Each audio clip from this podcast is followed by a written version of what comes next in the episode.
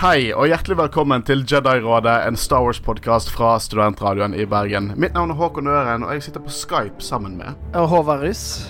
Og Markus Rønne Malmo. vår produsent. Uh, dette er jo spesielle tider. Uh, vi har ikke tilgang til studio lenger, så vi måtte prøve å finne en løsning der vi fortsatt kunne uh, spille inn innhold til alle dere som hører på. Jeg må bare unnskylde for lydkvaliteten. Som sagt, vi har ikke tilgang på studio, så vi må bruke våre private mikrofoner som vi har hjemmefra. Eh, og Markus, har ikke lyst til å promotere deg sjøl litt. Hvem er du? Hva er du?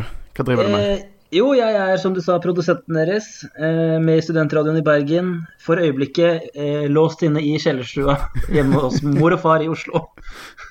I karantene. Det er greit sted å være. frivillig karantene. Frivillig karantene, sånn som de fleste burde. Det er veldig ansvarlig. Eh, så eh, det er jo derfor det ikke kom ut episode forrige uke. Til dere som ikke følger oss på Instagram og Facebook, så uh, er studioene våre låst, stengt av. Vi har ikke tilgang til det, så det stoppet litt produksjonen, så vi måtte finne på noe annet, da. Så vår idé nå, i første omgang, er det at vi skal spille inn denne bonuspodden, der vi diskuterer karakteren Kylo Ren slash Ben Solo, for det er en karakter som alle oss tre brenner litt for. Vi syns det er en god karakter. Mm. Uh, og jeg eh, Bare sånn før vi begynner med dette her uh, Gjerne følg oss på Instagram og Facebook, uh, fordi at vi, vi har litt lyst til å på en måte kommunisere litt med dere nå, i hvert fall i disse tider, om hva dere har lyst til å se av innhold fra oss. Vi sparer litt på Clone Wars. Vi har lyst til å ha optimal lyd og produksjon på Clone Wars-episodene våre. Så det er mange temaepisoder har vi lyst til å spille inn. Men ja, hvorfor Kylo Ren, folkens? Eh, jeg kan huske i hvert fall Første gang jeg så Kylo Ren på, i kinosalen, så jeg ble så amazed med en gang. Eh, eller Først så var jeg sånn skeptisk, for det var litt sånn Ok, er dette en ren Vader-kopi, liksom? Og så var det på en måte det, men jeg digga, jeg digga det ekstremt nettopp pga. det. Når han tok av seg masken, og det var den pretty boyen eh, bak den masken, da ble jeg sånn Dette er, dette er bra. Dette Ja, er bra det er kjempebra. Og eh, det du sier der med at hvordan skulle de på en måte overgå Vader? Jeg tror at de fleste som så traileren, eller mange, tenkte vel sikkert ah, OK, en ny Vader wannabe. Og så er det akkurat det vi får. Mm. De gjør det at de kan ikke måle seg opp til Vader, og gjør det om til en karakter som prøver å leve opp til Vader. Og jeg synes at det er ganske genialt, for å være helt ærlig. Uh, Mm, og jeg, mm, og når han tok av seg masken, så eh, jeg tenkte alt bare dette, den Anakin Dette det Anakin burde være som karakter. Det den Anakin Mm, vi burde mm. sett i eh, prequel-trilogien. Som vi diskuterbart kanskje ikke så. Veldig enig. Nå har jo vi litt å snakke om eh, når det gjelder Kylo Ren, eh, men eh, før vi gjør det, så vil jeg bare advare eh, at det kommer til å være spoilers fra hele sequel-trilogien her. Eh, dype spoilers. Og vi kommer til å snakke litt om tegneserien The Rise of Kylo Ren, som vi alle har lest nå. Eh, og jeg, jeg kommer til å nevne litt fra Age of Resistance-tegneseriene. Er noen hendelser der, det har vi snakket om i podden før. Uh, men uh, hvis dere absolutt ikke har lyst til å høre noe fra Ikke har sett alt dette her eller lest alt dette her, absolutt ikke vil ha spoilers, så her er advarselen deres. Vi skal snakke om Ben Solo slash Kylo Ren etter denne lille pausen.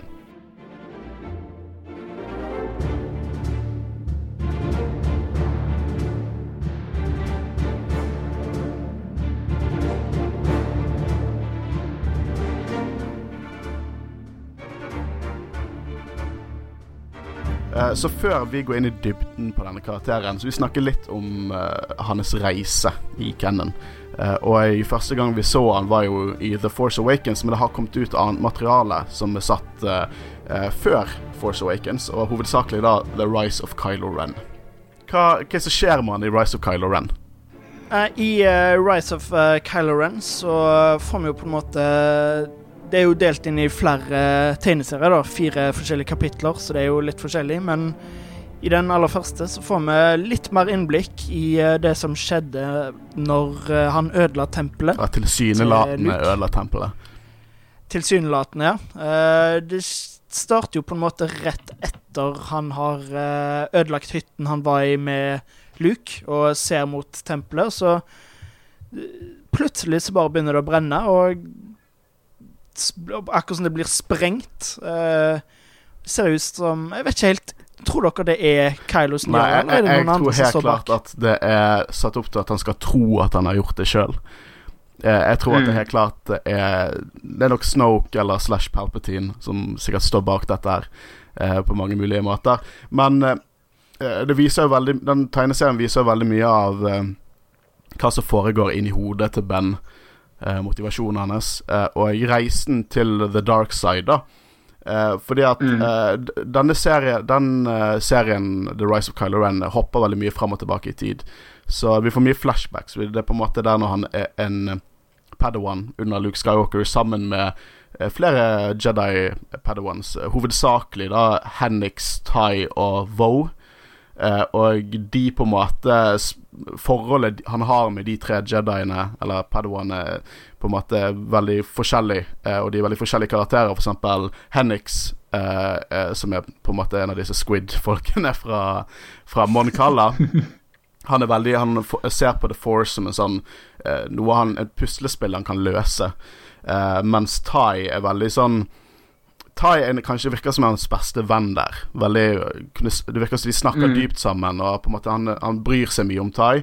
Og så er det Vo, og Vo er på en måte den store konkurrenten til, til Ben. Eh, hun som tror at dette er en konkurranse, og hun skal vinne over det som er The Force. Eh, og det viser seg eh, senere i denne serien at Vo er jo den personen som Kylo Ren dreper med vilje. Første personen han dreper med vilje. Han, du kan argumentere at han dreper Hennix, men det var helt klart et uhell. Han ville ikke drepe Hennix, men Vo er Mm. eh, Vo og Ren, som lederen av Nice of Ren, er på en måte de to drapene som gjør at eh, Ben går dypt inn i the dark side. Eh, men det som skjer i denne tegneserien, Jeg liker også at de påpeker at han har et dypere forhold til Lorsan Tekka, som er første person han dreper i Force Awakens. Det antar nå at før, rett før eh, disse flashbacksene eller i løpet av på en måte Nei, før denne, rett før den tegneserien så kommer han til å ha fått vite at Vader er bestefaren. For det skjedde i boken Bloodline, eh, og det kom Ja. ut på en sånn, som en sånn politisk eh, trykk mot Leia. At eh, ikke støtt hun, fordi hun er barnet til Darth Vader, og han fikk jo selvfølgelig vite det etter all denne dramatikken, så han er klar over at Vader er bestefaren på dette tidspunktet. Var han Mm. allerede begynt å trene med Luke på det tidspunktet? da? Ja, det, nå, det er rett før han på en måte tilsynelatende ødelegger tempelet, så er han på en måte er han klar over at Darth Vader var beste, er bestefaren hans, eller var bestefaren hans. Ja, det var så nylig, Ja. ja.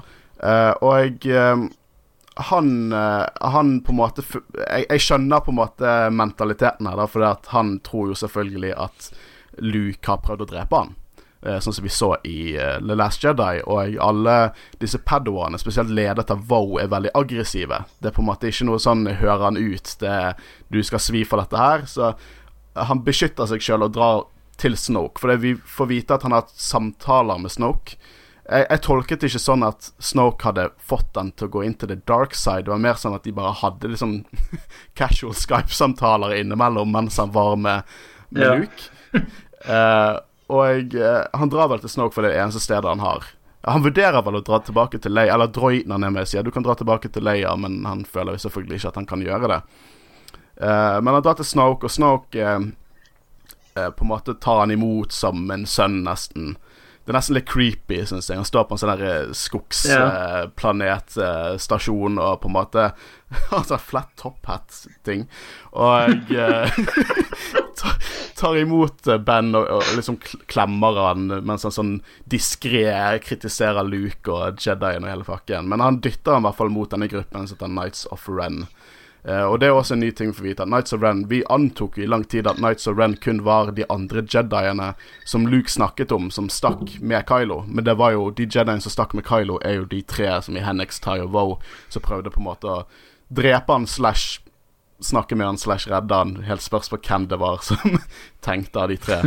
Uh, og han joiner Nights of Ren, en sånn bikergjeng i space, egentlig. Og denne personen Ren, som er lederen, han på en måte skal teste han da, og få han til å kunne Han skal utføre et godt drap, han drepte Hennix tidligere, men det var ikke et godt drap, for han klart Han mente det heller, eh, egentlig ikke. Så alt dette ender jo med at han eh, At han, han dreper sin første Jedi i Voe. Han dreper Ren, han blir lederen av Nights of Ren, og han bløder krystall til Voe, eh, og det er på en måte Kylo Ren blir født. Vi skal gå litt dypere inn på dette etterpå. Eh, og før vi går på Force Awakens, så vil jeg bare nevne eh, mellom Rise of Skywalker Nei, Rise of Kylo Ren. Alt dette Rise of, det forvirrer meg. mellom Rise of Kylo Ren og The Force Awakens så har vi eh, dette Age of Resistance eh. Og Da får vi en liten fortelling om eh, at uh, Kylo Ren og Snoke drar til Dagobah i The Dark Side Cave, og der skal på en måte Snoke teste Kylo Ren. Uh, han uh, tar han inn i hulen der han skal drepe det han ser. Og det han ser i den hulen, er Luke. Han dreper Luke, for han, har, han, er, han er ikke så glad i Luke, men han vil nekte å drepe sine foreldre. Som viser at det er fortsatt Ben der inne. Han er glad i Leia, han er glad i Han Solo. Han ødelegger hele hulen for å lure på en måte Snoke til å tro at han har drept alt det han fant der inne. Uh, så vi får litt innblikk i hvordan han er, han er der. da Han er på en måte ikke gått fullt over. Uh, det er mye, mye, forvirring og ubalanse i han fortsatt. Uh, mm. Og i The Force Awakens Det er jo kjente historier her. så hvordan vil dere på en måte forklare hans reise i den filmen? Så han starter jo, som uh, nevnte, egentlig som en uh, En slags Darth Vader-klone. Uh, har maske og alt mulig sånn, men gradvis ser vi på en måte han blir mer og mer usikker. mye skyldes jo da Ray. og det er på en måte Første gang han møter Ray, det er jo første gang vi ser han uten den maska òg, så egentlig med en gang han tar av seg maska, så føler jeg at han på en måte går mer og mer tilbake til å bli Ben Solo, og ikke være Kylo Ren lenger. Eh, absolutt. Eh, jeg, jeg, tror at han er kanskje nærmere å være Ben Solo i Force Awakens egentlig enn det han er i f.eks. i Last Jedi eller første halvdel av Rise of Skywalker. Det første han gjør i den filmen, er at han dreper Lawson Tacker. Og når vi ser Lawson Tacker i den filmen eh, for første gang, så tenker vi ikke Vi tenker liksom OK, eh, The Max von Syndor skal spille en karakter i Star Wars, det må være noe stort, og så bare dreper de han etter fem minutter. Eh, men så fikk jo vi mer eh, innblikk i det forholdet han hadde. Men de viste helt klart at de hadde tidligere forhold. Lawson Tacker kjente til han. Uh, og uh, etter, etter, jeg leste Rise of Kylo Ren, så fikk jeg litt mer innblikk i det. Så Lord Santekka er så vidt med i den, og han drar på et eventyr med Ben og Luke. Men han dreper Lord Tekka. Han er absolutt en del av The First Order nå. Uh, og han leter etter Luke Skywalker. Han er helt betatt av Darth Vader. skal fullføre det han mm. startet. han helt klart prøver å opprettholde en fasade med den masken. Og han blir helt stresset hvis folk ser han uten masken, spesielt da General Hux. Uh, og eh, vi får se det at han er veldig fortvilt. Han strever med the light side. jeg liker hvordan de gjør det, for det er nesten som at han er på en måte en drug addict. For det, han, han, på en måte mm. strever veldig med at han blir tiltrukket av the light side. Og han bruker hjelmen til Darth Vader som en på en måte noe å snakke med. da uh, Rise of Skywalker gikk jo inn på det at det han egentlig snakket med Palpatine der, tolket jeg, da. Uh, men i hvert fall det er Vader som er på en måte hans store helt, så han prøver å følge fotsporene. Uh, han dreper sin far Han Solo, som han absolutt var glad i. Uh, han prøver jo selvfølgelig å gjøre dette her for å på en måte komme mer in touch med the dark side, men det gjør jo bare det at han blir helt ubalansert. Såpass ubalansert at han taper mot Ray på Starkiller Base. Det hjelper heller ikke at Chewbacca har skutt et våpen midt i brystet hans, da, men Eh, boken The Force Awakens, eh, adaptasjonen. Og de er litt sånn løst canon, da. Hvis det er noe annet som overskriver det som er skrevet i de bøkene, så er det ikke regnet som canon, men alt annet er regnet som canon. Så man kan trygt si at de interne følelsene som blir forklart, er canon. Og da blir det snakket om at uh, han dreper Han Solo. Han forventer å på en måte føle seg sterkere, men han føler seg bare trist og fortvilet. Og det tror jeg går mye inn på det at han taper mot Ray i skogen der. Um, så kommer The Last Jedi, så å si rett etter The Force Awakens. Og uh, han er ekstremt fortvilet. Han, det Første gang vi ser han i den filmen, så er han bare en liten guttunge, egentlig. Uh, som Snoke også mm. forklarer. Uh, helt klart fortvilet etter tapet mot Ray og at han har drept sin far. Og Snoke tviler på ferdighetene hans. Bruker veldig dette OK, du skulle være arven til Vader, og du er egentlig bare en, en liten guttunge og ødelegger den masken, og det, veldig mye greier som skjer der. Um, det som er på en måte en av de store greiene med, med Kylo Ren i Last Jedi, eh, føler jeg, er jo det forholdet, den kny knytningen han får med Ray gjennom The Force. Uh, mm. Jeg tror at, at den knytningen skulle man trodd gikk førte at han ville heller være the light side, men jeg vil si nesten omvendt. Uh, jeg tror det fikk han på en egen vei. Han ble mer motivert på sin vei enn han har vært før. For det ender jo med mm. at han dreper Snoke og tar makten sjøl for å skape sin egen vei. Alt dette her med at du må drepe fortiden eh, se framover og skape din egen vei, og jeg syns det er veldig interessant. Han brenner sånn å si alle broer der, eh, med sin mor og med Luke og alle der, og tar over makten eh, til The First Order og blir liksom den neste supreme eh, leader. Det skjer veldig mye mer med, med Kylo Ren i Rise of Skywalker, og jeg har et par tanker eh, om det. Men eh, Rise of Skywalker, hvordan, hvordan føles ferden? Hva som skjer med Kylo Ren i den filmen? På en måte litt brå. Veldig bra. veldig veldig Men allikevel eh, så klarer de å forklare det på en god måte. Jeg bare skulle ønske at de At vi fikk vite enda mer, på en måte. Ja. Ja, jeg, jeg føler det mangler noe mellom Det mangler noe mellom Last Jedi og Rise of Skywalker. Det er, jeg den er veldig brå, den der eh, reisen han skal til Palpatine.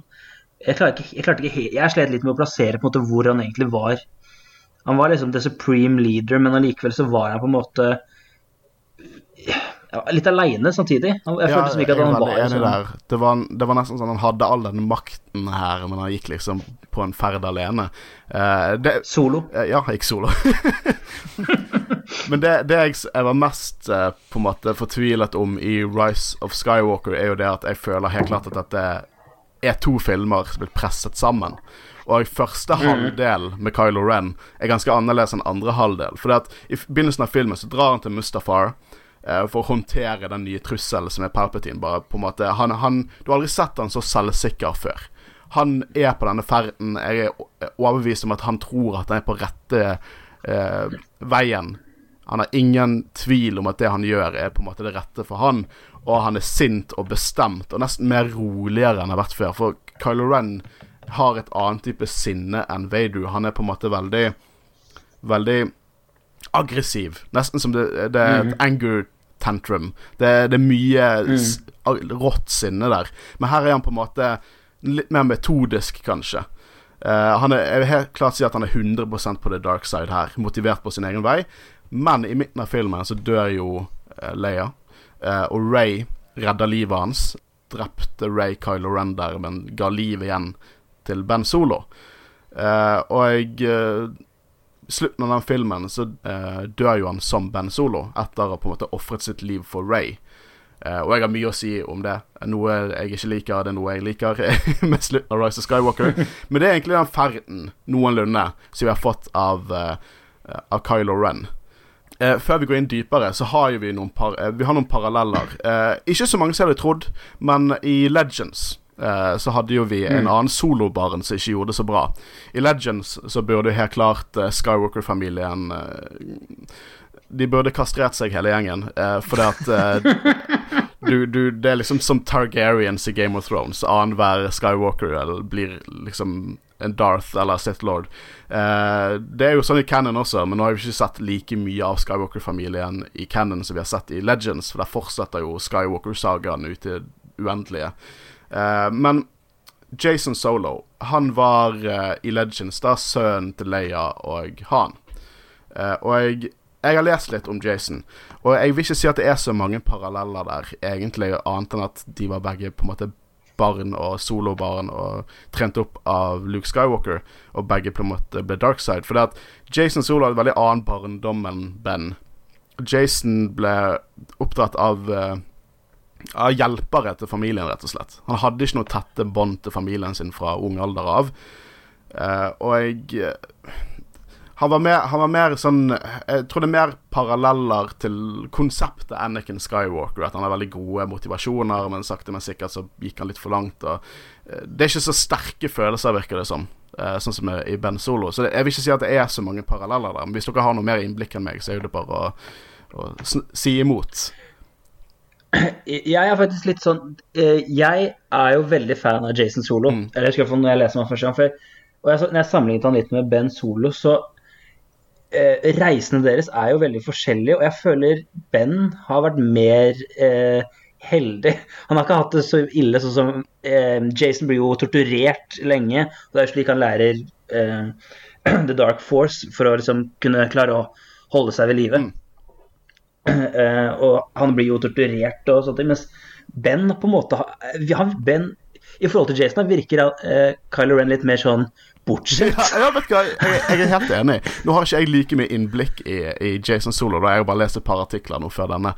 innspillingen. Men ja, det, det, det er litt sånn at Jason kanskje hadde satt litt ned på Ben. Han hadde det godt, og så Ja. gikk han darkside likevel. Men uh, forskjeller, ville du sagt at det er mer forskjeller mellom de enn likheter? Eh, ja, det er nok mer forskjeller. Altså, det, det er ikke så mange likheter, bortsett fra egentlig den at de, de sliter mellom mørket og det lyse. Uh, Og Jason men- dør men- vel som Darth Cadius. Han dør som en bad guy. Ja, det er sant. Det gjør han. Um, Eh, av sin egen tvillingsøster. som jeg tror også ble trent opp av Bobafett, som er bare veldig far out. Ja, det, er, det er veldig rart. Er Legends egentlig bare en stor såpeopera? Star Wars er en stor såpeopera. Men, men, ja, men noe jeg liksom savner i eh, fortellingen om Kylo Ren, er egentlig eh, at det går litt mer dypere på han. For det er, ve sånn, det er veldig mye fokus på Ray, som egentlig klarer alt fint. Mm. Og det er egentlig, vi burde ha fokusert mye mer på Ben eller Kylo Ren sin reise. Vel, mm. I hvert fall sånn i forhold til Jason Solo, da, på en måte, hvor ser hans, man kan forstå på en måte hans reise til mørket ut ifra det Jeg har lest noe, ikke mye. Og eh, for Ben blir det da litt så det blir litt svakere forhold. Sånn, Man forstår ikke helt sånn som det Ok, han, går, han taper mot Ray pga. han drepte faren sin, men det tok meg liksom par eh, ganger, eh, og jeg måtte se det film par ganger før jeg liksom skjønte det ordentlig. Ja, for det, det er lett å tenke sånn at Å, hvorfor i helvete klarer Ray Sånn andre gang hun holder en lightsaber og på en måte tar ned Mm. Kylo Ren. Uh, men jeg tror også her er litt det at det er bok versus film. Man får så ekstremt mye mer innsikt når man leser en bok. Eh, Det er jo derfor at disse bokadaptasjonene Eller eh, adaptasjoner av sagafilmene kan gi mye mer innsikt og litt mer forståelse, så de er veldig verdt å lese. Eh, For da får du mye mer innblikk i på en måte interne konfliktene og sånn. Men til, eh, jeg er veldig enig i det du sier, men til tross for det, hvis du sammenligner Kylo Ren med hvilken som helst annen skurk i sagafilmene, så får du mye mer innblikk. Det er sånn at Han er nesten en Mm. antagonist og protagonist samtidig. Uh, mer mer Ja. i Last Jedi Rise of Skywalker and Force Awakens, men uh, jeg synes at det er en ting de har gjort bed, eller dypere her enn de har gjort med de andre filmene. Så du får ikke så mange stille øyeblikk med Darth Vader, der han på en måte går gjennom tankene sine. Det, kanskje litt i Return of the Jedi på slutten der, men Og han er en helt annen type skurk også, så det er ingen, ingen kritikk mot Vader. Uh... Ja, fordi Vader er jo egentlig bare en henchman som i slutten viser seg å være faren til I hvert fall hovedpersonen. i, i Men- New Hope er jo han bare en henchman. Det er jo Tarkin mm. Som det er big bad, egentlig, i A New Hope. Så jeg, på en måte som, Det er mye retconning i de filmene, men det er bare Vader på en måte bare ble til en stor Jeg tror, jeg tror han peaket i Empire, og så bare hadde han en solid kurve fremover. Men eh, jeg har litt lyst til å snakke om bare designet til Kylo Ren. Eh, fordi at jeg leste jo selvfølgelig eh, concept Arts, eh, coffee table-boken av Force Awakens, så da gikk de veldig inn på hvordan de har designet Kylo Ren, og de brukte mye tid på det. Eh, masse av de sånn Inquisitors i Rebels er bare tidligere konsepter av Kylo Ren. Fasma er tidligere konsept av Kylo Ren. Eh, nesten sånn jævlig mange av sånn Bounty Hunters og soldater som kom ut etter Disney tok over, har vært tidligere konsepter av Kylo Ren. Så de hadde jævlig mange som jobbet med det, da.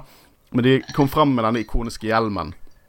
Og de valgte av den proppen at den ikke skulle på en måte ha en, en visor. Den skulle bare ha stoff som dekket øynene.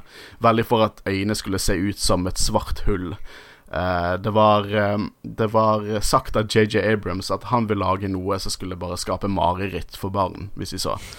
Uh, og jeg syns at den, den hjelmen har blitt ekstremt ikonisk. Kanskje det mest ikoniske på en måte visuelle ut ifra Disney Star Wars har blitt den hjelmen til Kylo Ren, og selvfølgelig lightsaberen. Eh, for det er veldig mye å si med den lightsaberen. I universet så er jo det et uh, gammelt design tatt fra The Old Republic. Vi så jo Rebels når de besøker Malachor der at de har mange lignende lightsabers, men det, det er laget uh, moderne av han. Litt fordi han blødet krystall til Wow, så knakk den i to, og det ble ustabilt, så han lagde disse, dette ustabile bladet. Og det ser veldig sånn Det, det representerer Kylo Ren ganske godt. Bare ustabil og farlig og uh, ubalansert. Har ikke kontroll på sine egne følelser, liksom. Og jeg husker når, når den eh, første teaseren til eh, Force Awakens kom ut Jeg må si jeg reagerte også på det. Men hva faen er den lightsaberen for noe? Det ser helt jævlig ut, tenkte jeg. Men jeg syns den er dritkul nå. Eh, I hvert fall når jeg har sett Ja. filmene og gått mer inn på det. Og, jeg- og jeg- det er jo også interessant at han tok sin egen lightsaber og på en måte bygde han om. For det får vi se. Vi får se hans tidligere lightsaber, som er den samme i Last Jedi, og mer det, av det i Rise of Kylo Ren. Så jeg, jeg syns designet har blitt veldig bra, og jeg liker at de har klart å kinda opprettholde det. Eh, De har selvfølgelig endret det, men de har på en måte jeg, jeg var glad at masken var tilbake. Jeg trengte å bli overtalt til det, eh, men jeg er glad for at masken var tilbake. Og jeg kinda jeg, jeg kinda klarte å lage litt sånn head, headcanon ut av det. Og hva den masken symboliserte på slutten, at det på en måte du har, du har på en måte ødelagt altså, de røde linjene, og på en måte Ray sier det veldig on the nose i filmen, at han, hun kan se gjennom the cracks on your helmet. Uh, på en måte symboliserer litt karakteren, da, uh, som jeg liker. Men du, Markus, du begynte å snakke om navnet Kylo. Ja, fordi det, jeg, jeg skjønner fortsatt til den dag i dag ikke hva det navnet betyr. Og jeg gleder meg veldig til å se Rise of Kylo Ren. Hva betyr det navnet? Og i uh, Rise of Kylo Ren så sier jo Ben bare sånn jeg har et, eh, Eller Snoke sier 'Jeg vet at du har et navn'. Og sånn, ok, hva er det navnet? Og vi får ikke vite det før til siste page, hvor han bare blir Kylo Ren. Uh, så jeg har bare vært Jeg bare, bare googla Kylo Ren meaning. Og Kylo er visst uh, Sky uh, på lat latin eller et eller annet sånt. Så det er jo på en måte Og Ren, var det? Var det? det var jo å løpe på kinesisk. Altså run, liksom. Så det er jo på en måte Skywalker Eller Ja. Sky Fast Walker, jeg holdt på å si. Det er basically det det navnet jeg er. tror jo jeg tror virkelig at det er noe der, da. Eh, Det stammer fra det latinske Ja. ordet kalium. eh, Som mm. ja, på latin betyr eh, sky. Og, det, og babynames.com sa at det har vært mange Kylo og Kylos med C før uh, The Masked Cutie with Lightsabered His Dad in the depths of Circular Base. Så det, det, et kjent, det, det er et brukt navn. Og i Rise of Kylo Ren så sier er jo liksom dette her at du er ikke Ben Solo lenger, du trenger et nytt navn. Og så sier han ja, det var noe jeg tenkte på når jeg var liten. Eh, og så sånn Ja, men de, de første tankene som popper inn, og barnet sine tanker er de mest uh, reneste tankene, så det må bli ditt navn. Og så sier de Kaina ikke hva det er. Men sånn jeg tolket det, er at han synes navnet var, Kylo var jævlig kult da han var liten. Uh, og nå heter han Kylo Ren. Så mitt sånn Ren-navn hadde vært Ronny Ren. Eh, for det navnet syns jeg var jævlig kult da jeg var liten. Ja. For meg hadde det vært Lenny. Lenny Ren.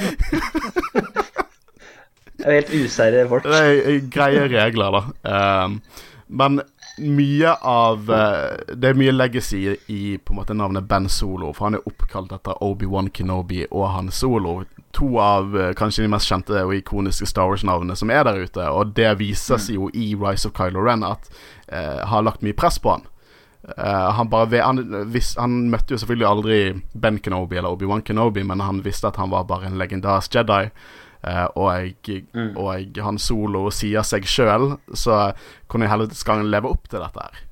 Og legacyen hans er jo veldig mye på Darth Vader. Og da kan vi snakke litt om på en måte hvorfor Darth Vader, og forholdet til The Force, al altså motivasjonene til Ben Solo slash Kylo Ren. For det, det første vi vet om, om Kylo Ren fra da han var unge, var at han viste mye sinne som barn. Eh, noe som gjorde foreldrene og Luke veldig nervøse. De sa at dette kunne være farlig. Og i bokadaptasjonen av Last Jedi, når han sier at han er et monster, så får han et flashback til det Han og Leia kranglet over attituden hans. Og fra det tidspunktet så han bare anerkjent at ja, han er et monster. Uh, foreldrene mener det, og han var redd for at de hadde rett, og han har på en måte kinda anerkjent at ja, han har rett. De har rett. Han, han, er, han er en bad guy. Og som også kanskje kan vise litt til at han kanskje ikke føler at han har noe annet valg enn å gå ned den mørke siden. Uh, han føler på en måte seg ikke hjemme noen steder. Og han har problemer med både Snoke og Luke, har jeg inntrykk av. Han snakker jo, han snakker jo til Tai i Rise of Kylo Ren om Snoke, da. Uh, og Luke uh, Det er på en måte Snoke på en måte claimet han av Darth Vader, legacyen der. Eller Palpatine claimet han. Mye mm. greier der. Men eh, Og så han mente at han hadde på en måte en legacy innenfor The Dark Side, men Luke mente jo også det at han hadde en legacy i forhold til Skywalker-navnet. Til The Light Side. Så han, han sier det at på The Light Side og The Dark Side claimet han fra sekundet han var født. Og det legger jo selvfølgelig press på han. Eh, det, det er veldig mye sånn paralleller her til sånn forventninger som foreldre kan ha til en person. Eh, og på en måte lever i skyggen til uh, bragder som de før deg har kommet med. Og det er jo absolutt noe å tenke på og på en måte sympatisere med. da Det er veldig naturlig for en, en ekte person og veldig naturlig for en karakter som også jeg syns gir mer dybde til han. da um, Mm. Det som er interessant, er jo det at han hadde jo egentlig ikke noe direkte skyld i alt dette som skjedde med, med Jedi-ordren til Luke. For han var jo der. Han prøvde å trene som en Jedi. Han snakket litt med Snoke, som poppet inn i hodet hans av og til. Men det virket ikke som det var så tilsynelatende mye direkte press der. Det virket ikke som han, at han visstnok var på en måte At done deal. Han kom til å bli Kylo Ren før Luke faktisk gikk og pushet han. Jeg lurer på hvor mye kontakt han egentlig har hatt med Snoke. Og på det tidspunktet, tror dere de visste at Snoke var ond? Fordi han virker jo nesten ikke som han bryr seg om det, i så fall. Nei, for det, ok, så eh, det med First Order Det er jo når, når eh, etter han har på en måte eh, løpt fra tempelet, så snakker han med, med Snoke, og så ringer Brendel Huxon, altså faren til, eh, til Armitage Hux eh, fra eh, sequel-trilogien.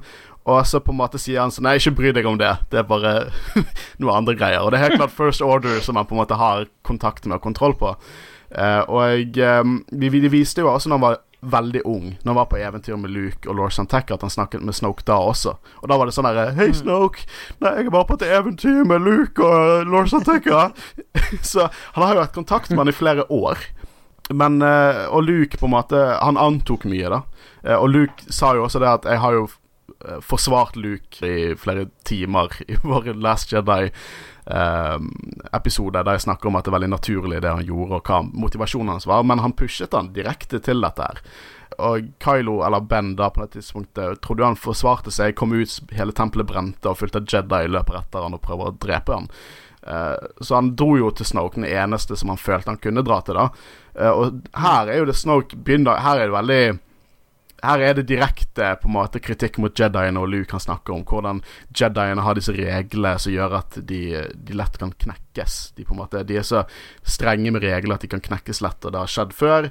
Og at the dark side på en måte er en good thing. Det, det, var, det var alt dette her med dark side cave. Uh, han dreper Luke der, ikke foreldrene sine. Han har problemer med Luke, og jeg tror han har problemer med Snoke også, men han, han går mot Nights of Ren, da. Og Nights of Ren har møtt han tidligere, Når han var ung, og da eh, Jeg er ganske sikker på at, eh, at de hadde fått innsikt fra Snoke da tidlig, at denne kiden er noe å følge med på. Og de senset at det er dark side i han da. Eh, jeg, jeg føler liksom sånn Den sola har vært sånn problembarn gjennom hele sitt liv, egentlig. Og alle er dritnervøse rundt han og prøver å kontrollere han, og det hjelper jo ikke. Det gjør jo ikke at han får en sunn oppvekst i det hele tatt. Um, no, Kylo på, han er på en måte blankt lerret for Snoke å manipulere nå, da, egentlig. Eh, På samme måte egentlig han var det for, for Luke, men jeg tror ikke Luke prøvde å manipulere han. Men det er på en måte to ekstreme sider her. Eh, og jeg uh, Snoke kritiserer Jediene, og jeg, uh, på en måte alt dette med Vader her. Eh, for hvorfor hengte han seg fast på Vader etter dette her?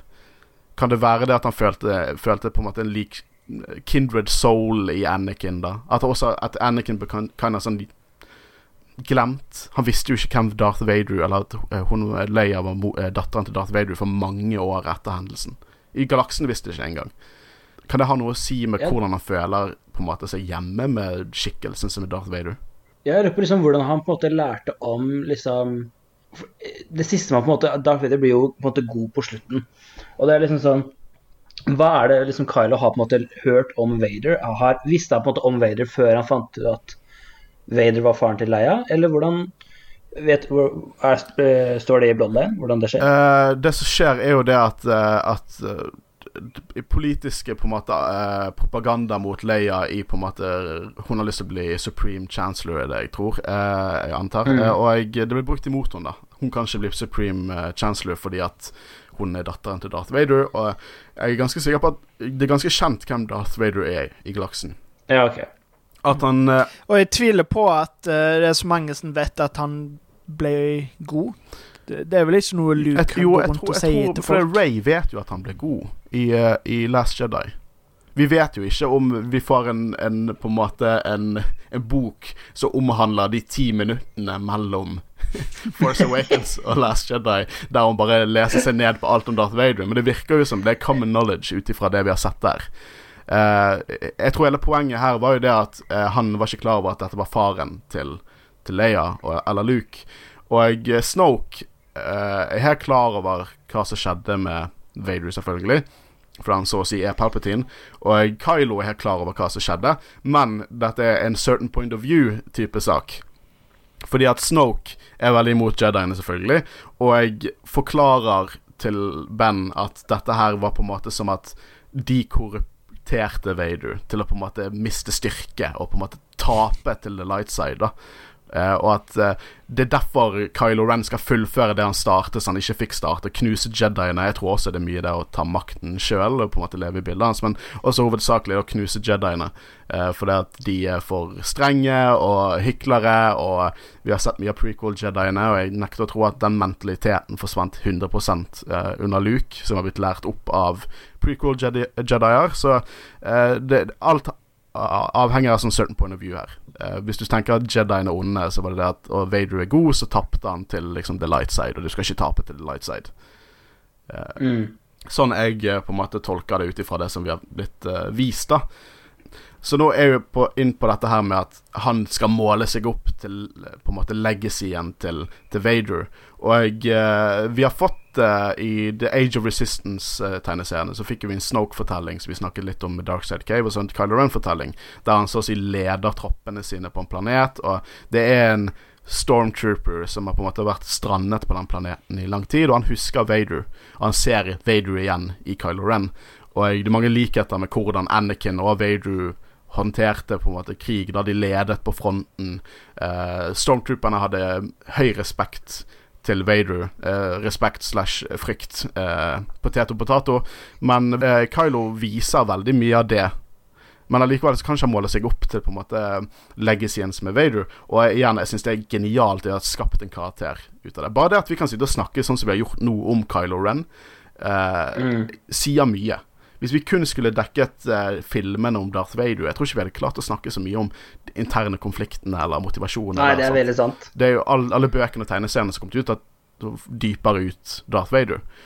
Og jeg har snakket om Vader sine motivasjoner i originaltrilogiene. Og han er, hater Palpatine, han vil starte sin egen greie. Han vil få Luke på sin side og ta over uh, imperiet sjøl. Uh, før dette her har han mange motivasjoner på å liksom få Padmay tilbake i live og sånne ting, men han på en måte kaster vekk fortiden på et tidspunkt, og så Han skal skape sitt eget imperium. Uh, og jeg, jeg, tror veldig mye mer paralleller her mellom Kylo og Vader i forhold til det at Fuck mentorene mine, liksom. Uh, for det at uh, Anakin fuck Obi-Wan og Vader fuck Palpatine, og jeg, jeg tror Kylo har veldig sånt lignende forhold til Snoke og uh, og Luke, egentlig. Uh, han vil skape sin egen greie. Alt dette med hvordan han dreper Snoke i Last Jedi. Han vil skape sin greie. Han vil drite i fortiden. Han vil bevege seg fremover og skape sitt eget imperium.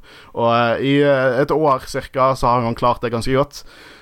Jeg, jeg, jeg, synes det er paralleller. Og andre paralleller i forhold til Vader og Kylo Ren er at Og det er litt motsatte paralleller. For det, når vi ser Vader i New Hope Uh, så er han totalt dark side. Han er, en, han er, en, bad dude, og han er enda mer bad dude i, i Empire. Og så er ikke det før i Return of Jedi vi ser at lyset begynner å glimte igjennom. sant? Men når vi møter uh, Kylo i Force Awakens, så er han ekstremt splittet. Han er ekstremt splittet i mm. Last Jedi helt til han finner sin på en måte vei å gå. Og i begynnelsen av Rise of Skywalker så er han peaket på dark side. Han har på en måte en motsatt vei mm. enn det Vader hadde. Han blir mer og mer eh, bestemt på at det han gjør, er det rette. Og jeg synes det er interessant. Det snakker de litt om i Behind the Scenes The Rise of Skywalker. Og jeg synes det er veldig interessant å tenke på. Eh, men nå, nå sånn, han, jo, han, går jo over på The Light Side The Rise of Skywalker, men jeg tenker på The Rise of Skywalker som to filmer. For det, helt klart, det var helt klart to filmer som var dyttet sammen. Så det sier litt om pacingen til uh, uh, den filmen. Jeg er egentlig veldig uh, nysgjerrig på hva som skjer uh, i de, det tidsrommet, på en måte. Fordi han er jo så usikker i tegneseriene. Det virker som om han ikke har lyst til å gjøre det i det hele tatt. Uh, men han føler seg på en måte tvunget til det. Mm. men etter hvert så blir han bare mer og mer sikker på at dette er noe han må gjøre. Så jeg håper egentlig vi får enda mer enten bøker eller tegneserier som uh, som gir enda mer innblikk i reisen hans. Ja, for, for det du sier om at han er sånn usikker, spesielt i Rise of Kylo Ren For det at eh, i Rise of Kylo Ren føles det kun som han på en måte går mm, Han går der han bare tror han må gå. Han er på en måte ikke sånn Ja. ekstremt investert i det. Han bare sånn Ja, jeg kan ikke gå light side nå, så jeg får like gjerne prøve dette dark side-greiene jeg har hørt så mye bra om. Uh, og så på en måte blir han på en måte veiledet ned den veien, og så gjennom filmene ser vi at han på en måte blir mer overtalt. Og så på en måte egentlig skaper sin egen vei, da. Eh, når Palpatine viser seg å være tilbake igjen, det første han tenker, er jo Ja, jeg skal drepe han. Han skal ikke på en måte komme inn og gjøre noe med mitt imperium. Eh, så eh, Så det er interessant, da. Jeg, jeg føler liksom ikke at han valgte så mye av dette sjøl. Selvfølgelig er det valg han tar, men han på en måte blir veiledet ned enkelte veier. Jeg tror det sier veldig mye om sånn Prøve å kontrollere noen, og så går ikke bra. Nesten sånn jeg vil uh, si at, at Kylo Ren er nesten sånn vidunderbarn som alle har forventninger til, og alle prøver å kontrollere, men så på en måte går det til helvete, da. Og han kommer inn på feil sted i livet. Han er en sånn rebel teenager. Han er det. Veldig roen. Han er jo en rebell født av to rebeller. Det er litt sånn interessant å tenke på. Det er sant. Nei, i hvert fall sånn, han er jo um, I Rise, når første gang vi møter han i Rise, så er det sånn Det rommet mellom Last Jedi og, um, og Rise of Skywalker er så, Jeg har så lyst til å finne ut hva som skjedde, for han er så stressa når han skal finne Palpatine. Og det er liksom, Han er liksom lederen den store hæren, men allikevel så reiser han aleine for å finne Ja. Finne liksom det Jeg skjønner det er um, Det hadde vært litt mer taktisk lurt å bare ta med hele hæren sin og marsjere det inn der. Eh, men det gjør han ikke. Og jeg uh, det, kan, det kan være grunner til han gjør det som er sånn eh, Ok, det er mer visuelt kult å se han gå alene for TIE Fighteren sin og igniter lightsaberen og går mot Palpatine for å møte han alene. Uh, men det kan jo også være det at han kanskje ikke liker å lene seg på den makten han har, på en måte. Han, han for eksempel Vi ser han på Mustafar. Det er bare han. Det er noen døde Stormtroopers bak der som jeg så tredje gang, eh, fjerde gang jeg så filmen. Men det er bare han som går der og bare dreper fullt av Vader-cultists, som er litt interessant. Litt ironisk at de dør av barnebarnet til fyren de, eh, de synes er helten deres. Men så ha- han på en måte Nesten som Jeg kan nesten tenke meg til at han har ekstremt mye tro på seg sjøl der. Og makt, makten han alene bærer, på en måte. Eh, og det, det er interessant. Uh, jeg gleder meg faktisk til å dekke Rise of Skywalker igjen um, når den kommer på Blu- Blu-ray og bare gå inn i alle disse små detaljene. For jeg tror at det, det, er, mye, det er mye kult å snakke om Rise of Skywalker. Uh, film, si hva du vil om filmen, men det er jævlig mye i den filmen. På godt og vondt. Eh, så det er mye å ta tak i der. Jeg, jeg, har, jeg er litt sånn motivasjon bak det kysset. Jeg er litt sånn Ja, for det, det er det um, neste. For det, nå skal vi snakke om Ray versus Kylo Ren. Ja. Uh, og jeg, de, de hadde jo et dypt forhold i, i Last Jedi, og jeg elsket det forholdet de hadde. Aldri opplevd i Star Wars et sånt forhold mellom protagonist og antagonist. Bare alle disse Force-samtalene uh, som var så til stede, selv om de ikke var til stede der. Jeg, jeg vet at de filmet inn med begge skuespillerne hver gang de hadde en sånn scene, sånn at de skulle få mest ut av det. Eh, men det gjorde Det forholdet mellom de i Last Jedi eh, var fascinerende og skapte dybde til begge karakterene. Jeg elsker Last Jedi veldig mye pga. forholdet mellom, eh, mellom Kylo og Grey. Uh, og i Rise of Skywalker så gjør jo det om til noe mer, at de på en måte er en dyad in the force. Eh, jeg liker å tro at det er noen paralleller der mellom The Rule of Two. Eh, I eh, Visional Dictionary så forklarer jo de at um, på Sith-runene som forklarer a Diad in the force, er mistenkelig eh, ligner på de runene som snakker om The Rule of Two. Så det er et eller annet connection der som jeg syns er kjempefascinerende. Eh, men Ray og Kylo Det utvikler seg veldig forskjellig fra filmene. Du skulle ikke trodd at de to kom til å kysse når du så Force Awakens. Eh, I det hele tatt. Det er litt som at du skulle se A New Hope og tenke Ja, Leia kommer til å ende opp med Vader, siste film. Det gir ikke mening. Og jeg, eh, jeg tror på en måte så, eh, Jeg tror Ray klarer å få Kylo Ren til å slippe den fasaden han har i nesten hele Force Awakens. Sakte, men sikkert kommer hun gjennom og skaper uh, cracks i personligheten som er Kylo Ren, og så får han hjelmen sin som representerer med de der uh, sprekkene i siste film, som hun også påpeker. Uh, jeg kan like det. Det er litt on the nose, kanskje, men jeg kan like det. Men Hva er deres inntrykk av de, før vi går inn på det siste med kysset? Den, når det tingene skjer, så merker man jo veldig at Ray tar det som et tegn på at hun kan overtale Kylo Ren. Og Kylo Ren tar seg på at han skal overtale Ray. Og det er så sinnssykt interessant hvordan de begge kjemper, og begge hater det. Eh, så de får, de, men de får en, de får nesten et sånn søskenforhold med en gang i Last Jedi. Og det er liksom sånn ironisk da med tanke på Luke og Leia og all den incesten som har vært i Star Wars tidligere. Eh, at liksom alle skal få seg vennskapelig forhold og søskenforhold til hverandre.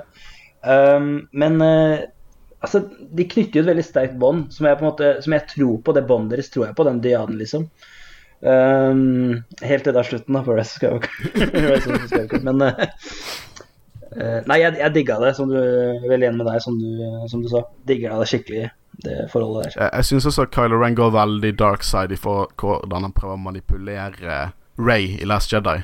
Begynner å si at hun, hun Mm. betyr ingenting. Hun betyr ingenting Hun har ingen del av den historien, men hun betyr Ja. alt til han. Og det er sånn Det er sånn typisk abusive relationship right there. Ja, veldig. Eh, at han prøver å manipulere til at hun er ingen, men til han er hun alt. Og jeg syns det er interessant hvordan det forholdet bygges. Eh, Mm. Eh, det på en måte Ja, jeg, jeg liker forholdet veldig godt. Jeg kan ikke si at jeg har noe veldig for forholdet mellom de to i, i Force Awakens. Der er jo det mer helt versus skurk.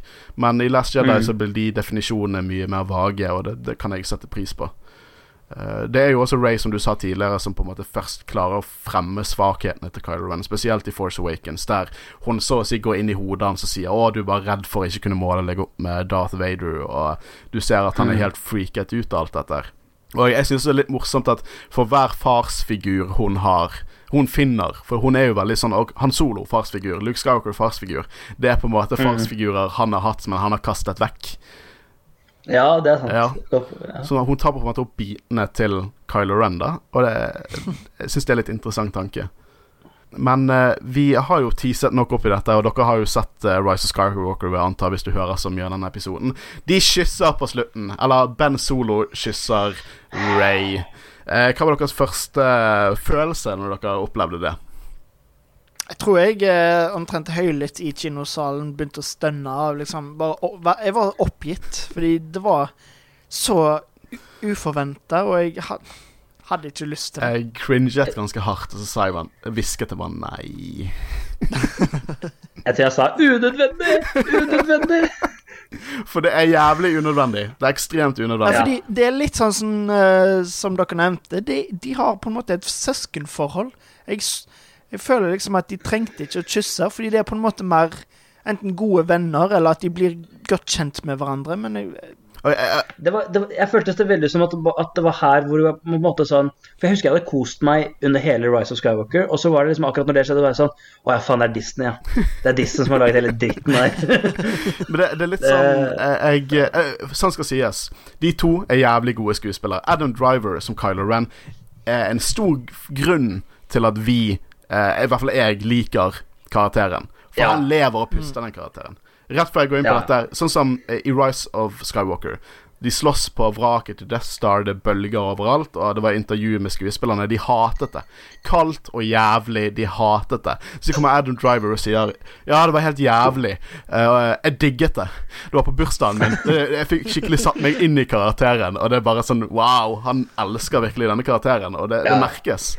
Uh, men de er veldig flinke skuespillere, poenget mitt. Og jeg tror på kysset visuelt. De, jeg tror at de kysser hverandre. Jeg tror at de, de er glad i hverandre. Sånn, hvis jeg kun hadde bare sett den scenen og ikke visst noe, så jeg tenkte å, det er et bra kyss. De er glad i hverandre, liksom. Men det er helt, de gir ikke mening i forhold til karakterene. Men jeg har eh, prøvd å eh, komme fram med gode uh, God symbolisme og analyser av nettopp dette kysset. Uh, fordi at Kylo Ren Han levde aldri opp til Vader. Han gjorde ikke det. Han strevde etter å gjøre det, men han levde aldri opp til Vader. Men Ben Solo levde opp til Anakin og gikk forbi han. Fordi at ja. Anakin sitt forhold til Padmay, det er ikke et sunt forhold. Eh, han er eh, besatt av henne. Hun er, eh, eh, kjærligheten deres er mer som en ting han skal opprettholde. Det er hans. Hun er hans. Og ingen, ingenting skal ta hun vekk fra han. Til og med i Revenge of the Sith, når eh, han på en måte deklar, deklarerer at han ikke skal la noen eh, Ikke la hun dø, så holder hun han hun strengt fast og på en måte sier det inn i øynene hennes uten at hun egentlig har noe å si på det. Eh, Han er på en måte Han, han, han vil ha makt til å redde henne, men han vil også ha makt for å ha makt. Det er liksom, Han vil ha begge deler. Han sier det sjøl. Han vil ha mer, men han vet at han ikke burde det. Uh, og han klarer ikke å redde henne. Han er en del av grunnen til at hun dør, uh, og han går ned denne veien. Ben Solo, og dette ble forklart litt i Rise of Skywalker-boken, uh, bokadaptasjonen, han forstår at for å redde de han er glad i, så må han komme med et offer. Vi hater kysset, men på mange måter viser det mye mer kjærlighet for de to at han bryr seg om henne enn det gjorde mellom Anakin og Padmay. Uh, og jeg liker tanken om at han som skurk, som Kylo Ren, klarte ikke å leve opp til Vader, men han som helt uh, levde opp til uh, Anakin Skywalker og gikk forbi han på mange, mange måter. Mm. Jeg liker den tanken. Jeg kan ikke si at det får meg til å like kysset, men jeg liker den tanken. Jeg vet ikke hva dere synes om det. Jo, jeg, jeg, er enig i den, i den sjansen, men, men sånn Eh, litt om meg, jeg går jo på manusutdanning, så storytelling kan jeg. Eh, og det kysset der er bare dårlig storytelling. Jeg hadde trodd mer på den kjærligheten hvis det ikke var et kyss der. Ja, jeg òg. Hvis det bare var en klem. Hvis det var en klem. Ja. En klem. Fin klem. Kjempebra. Da hadde jeg vært sånn De elsker hverandre. Og, så var, og hvis, når du kyssa, så ble jeg sånn Er de fulle? Hva er det som skjer? og så dør han rett etterpå, så det er bare altså, goofy. Ja, det var det, eh, jeg, jeg, forstår det offeret med kjærlighet og sånne ting, og det er en god på en måte, en, Det er en grei forklaring, men, men sånn storytelling-messig så er det en dårlig løsning. Og i hvert fall sånn Først så setter de opp en sånn romantisk interesse mellom Ray og Finn. Eh, og så avbryter de fordi Finn blir forelska i Rose, og så driter Finn og Rose oh, i oh, Rose. Og Ray har ingen, men det er på en måte det, det, er så godtatt at hun ikke på en måte, at hun konsentrerer seg heller om å redde verden. Ja, det tenkte og, jeg også. Uh, det tenkte jeg også. Det som, ja. Så det, det kysset Jeg klarer ikke å tilgi det kysset. Nei, nei, nei jeg, jeg, jeg, liker ikke det kysset, men jeg, bare, jeg, må prøve å få det til å bli be, litt bedre, i hvert fall. Og det er det, det, jeg prøver å ja, Heldigvis Heldigvis så dør Ben Solo etter det. Hvis de hadde gått den veien med at de liksom kyssa, og så levde alle sine dager i eh, liksom kjærlighet og alt mulig sånn, det hadde vært ødelagt. Da hadde jeg mista respekten for hele filmen. Vel, sånn, hvis de bare hadde klemt hverandre og på en måte var glad for at begge hadde det bra, så var det sånn eh, Da kunne jeg kanskje sett at ti år etter dette Kanskje de hadde gått ut på en date. Det, det, kanskje. Men det, det, alt dette sier meg, hvis jeg skal på en måte virkelig se realistisk sett på dette universet, er at Ray er ganske fucked up i hodet. Denne personen er liksom the big bad guy og har drept så jævlig mange folk utallige ganger, men jo, hun er bare glad i bad boys. Ja, jenter elsker bad boys. Fy fader. De men, nice guys finish last. Men hvor gøy er ikke jeg, jeg, jeg, var veldig imot at han skulle bli redeemet. Men jeg er ikke så mye imot det nå. Litt fordi at han, når han spilte Ben Solo, som var nesten en miks mm. av av Luke Skywalker og Han Solo. Bare det lille shrugget han tok når han fikk lightsaberen og sloss mot Nights of Ren. Det var så gøy. Ja. Ha, var, jeg har ja. lyst til å sette en egen film der han spilte helten. Det var bare så gøy. Og han oste ja, begge de karakterene. Litt synd at siste ordet Eller eneste ordet Nei, siste ordet han sier som Ben Solo, er 'au', og så dør han. um, men det neste er at dette er jo Skywalker-sagaen. Episode 7, 8 og 9 er fortsatt en del av Skywalker-sagaen. Men er Ben Solo Skywalkeren i Rise of Skywalker? Eller har han en viktig del av tittelen? Ja, det burde vært han som er uh, hovedfokuset i den filmen.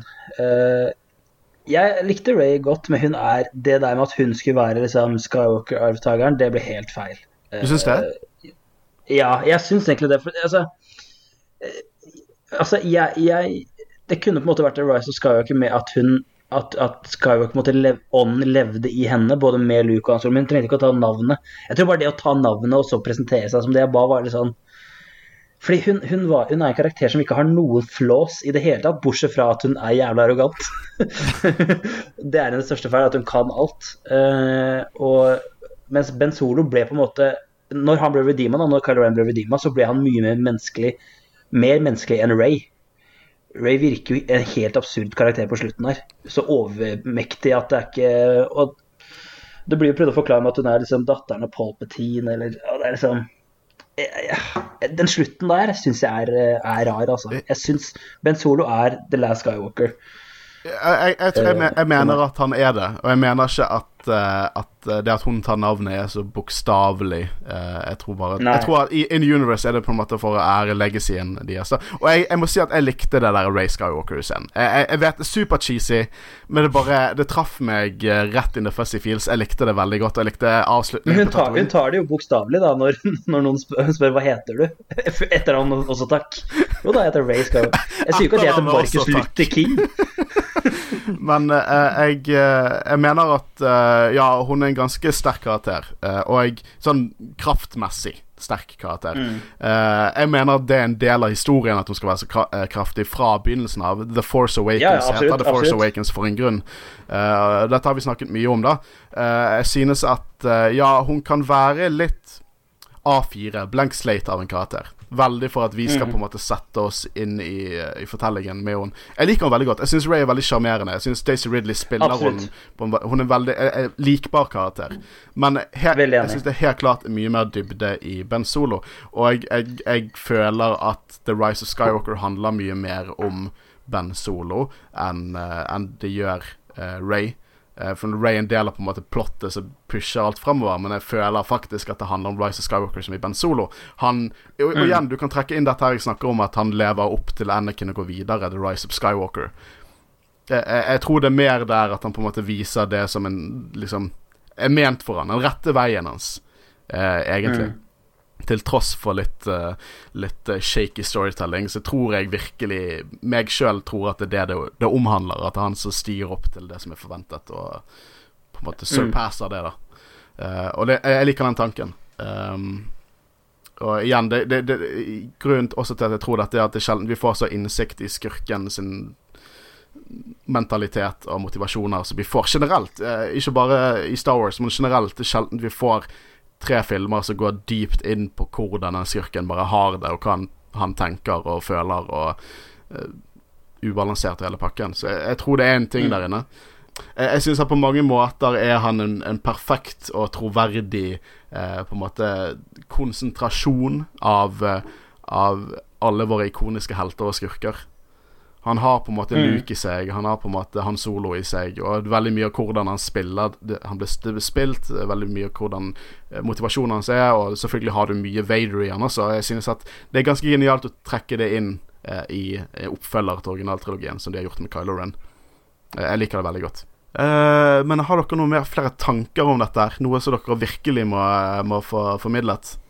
Nei, egentlig ikke noe annet enn at uh, jeg synes at Kylo Ren gjør eh, sequel-trilogien til gode filmer. Det er jo selvfølgelig mye annet jeg liker òg, men han er en av den største grunnen til at filmene ble så bra, egentlig. Eh, jeg er helt enig. Eh, jeg synes at jeg, jeg, jeg, har mine sterke problemer med Rise of Skywalker. Det er ikke noe hemmelighet. Ja, absolutt. Men jeg, eh, jeg er mer positiv til han enn jeg er negativ. Når jeg så den igjen nå, jeg storkoste meg. Eh, Jeg måtte på en måte bare bite tærne mine igjen og bare lukke øynene mine når de kysset. Men uh, hvis det ikke var for Adam Drivers og Kylo Ren gjennom hele denne trilogien, så hadde jeg ikke sett på det like positivt som jeg gjør. Han, og det, det er helt greit at, eh, at det er en karakter som holder ting veldig godt sammen, men og eh, til en viss grad Ray og deres forhold, eh, spesielt i Last Jedi, eh, gjør jeg synes jeg er på en måte veldig positive aspekter med denne trilogien. Og det gjør at jeg kommer til å se disse filmene mange, mange ganger. Mm. jeg, må si at Kylo Ren har fort blitt en av mine favorittkarakterer, ikke bare i Disney-æra Star Wars, men all Star Wars. Det er sjelden jeg får så mye innblikk i en karakter bare på tre filmer enn det jeg har gjort med Kylo Ren, og det syns jeg er en bragd. Jeg syns det er kjempebra. Veldig enig. Og altså, Adam Driver altså, Jeg mener jo at eh, performancen hans, i hvert fall i Last Jedi, er jo Oscar-verdig så det synger. Absolutt. Og det er også på han, han er så bra, og det hjelper også veldig for tegneserien og de historiene om Kylo Ren siden. Jeg ser jo bare for meg Adam Driver uh, i den rollen. Også liksom i, uh, i bokform og tegneserier og alle sånne ting. Så en viktig del av En imponerende bra del av sequel-trilogien, og en viktig del av Star Wars-universet. Det syns jeg. Um, det var vår bonusepisode uh, om Kylo Ren slash Ben Solo, der vi gikk inn i dybden der. Uh, jeg kan ikke love at det kommer en ny episode neste uke, uh, men vi skal prøve å få til noe. Vi skal prøve å komme ut med lignende episoder. Fremover i tid. Gjerne legg oss til på Instagram og Facebook, for der kan dere på en måte kanskje være en del av planleggingen i denne koronatiden. Men Markus, har du lyst til å eh, reklamere for noe, noe annet eh, som folk bør følge med på i radioen? Uh, ja, hvis dere er, har hørt alt på Jedi-rådet, så, eh, og vi har litt humor i hverdagen, så får du høre på God morgen med Thomas Harald, som er et program jeg har på Studentradioen i Bergen. Der hvor jeg og en annen er vikarer for Thomas Numme og Harald Rønneberg sitt nye program på Studentradioen i Bergen. Verdt en lytt. Jeg elsker, elsker konseptet, det må jeg si. Ja, takk. Det er, det er et gøy konsept. uh, men vi har vært Jedi-rådet, en Star Wars-podkast. Mitt navn er Håkon Øren, og sammen har jeg sittet med Havaris. Riis.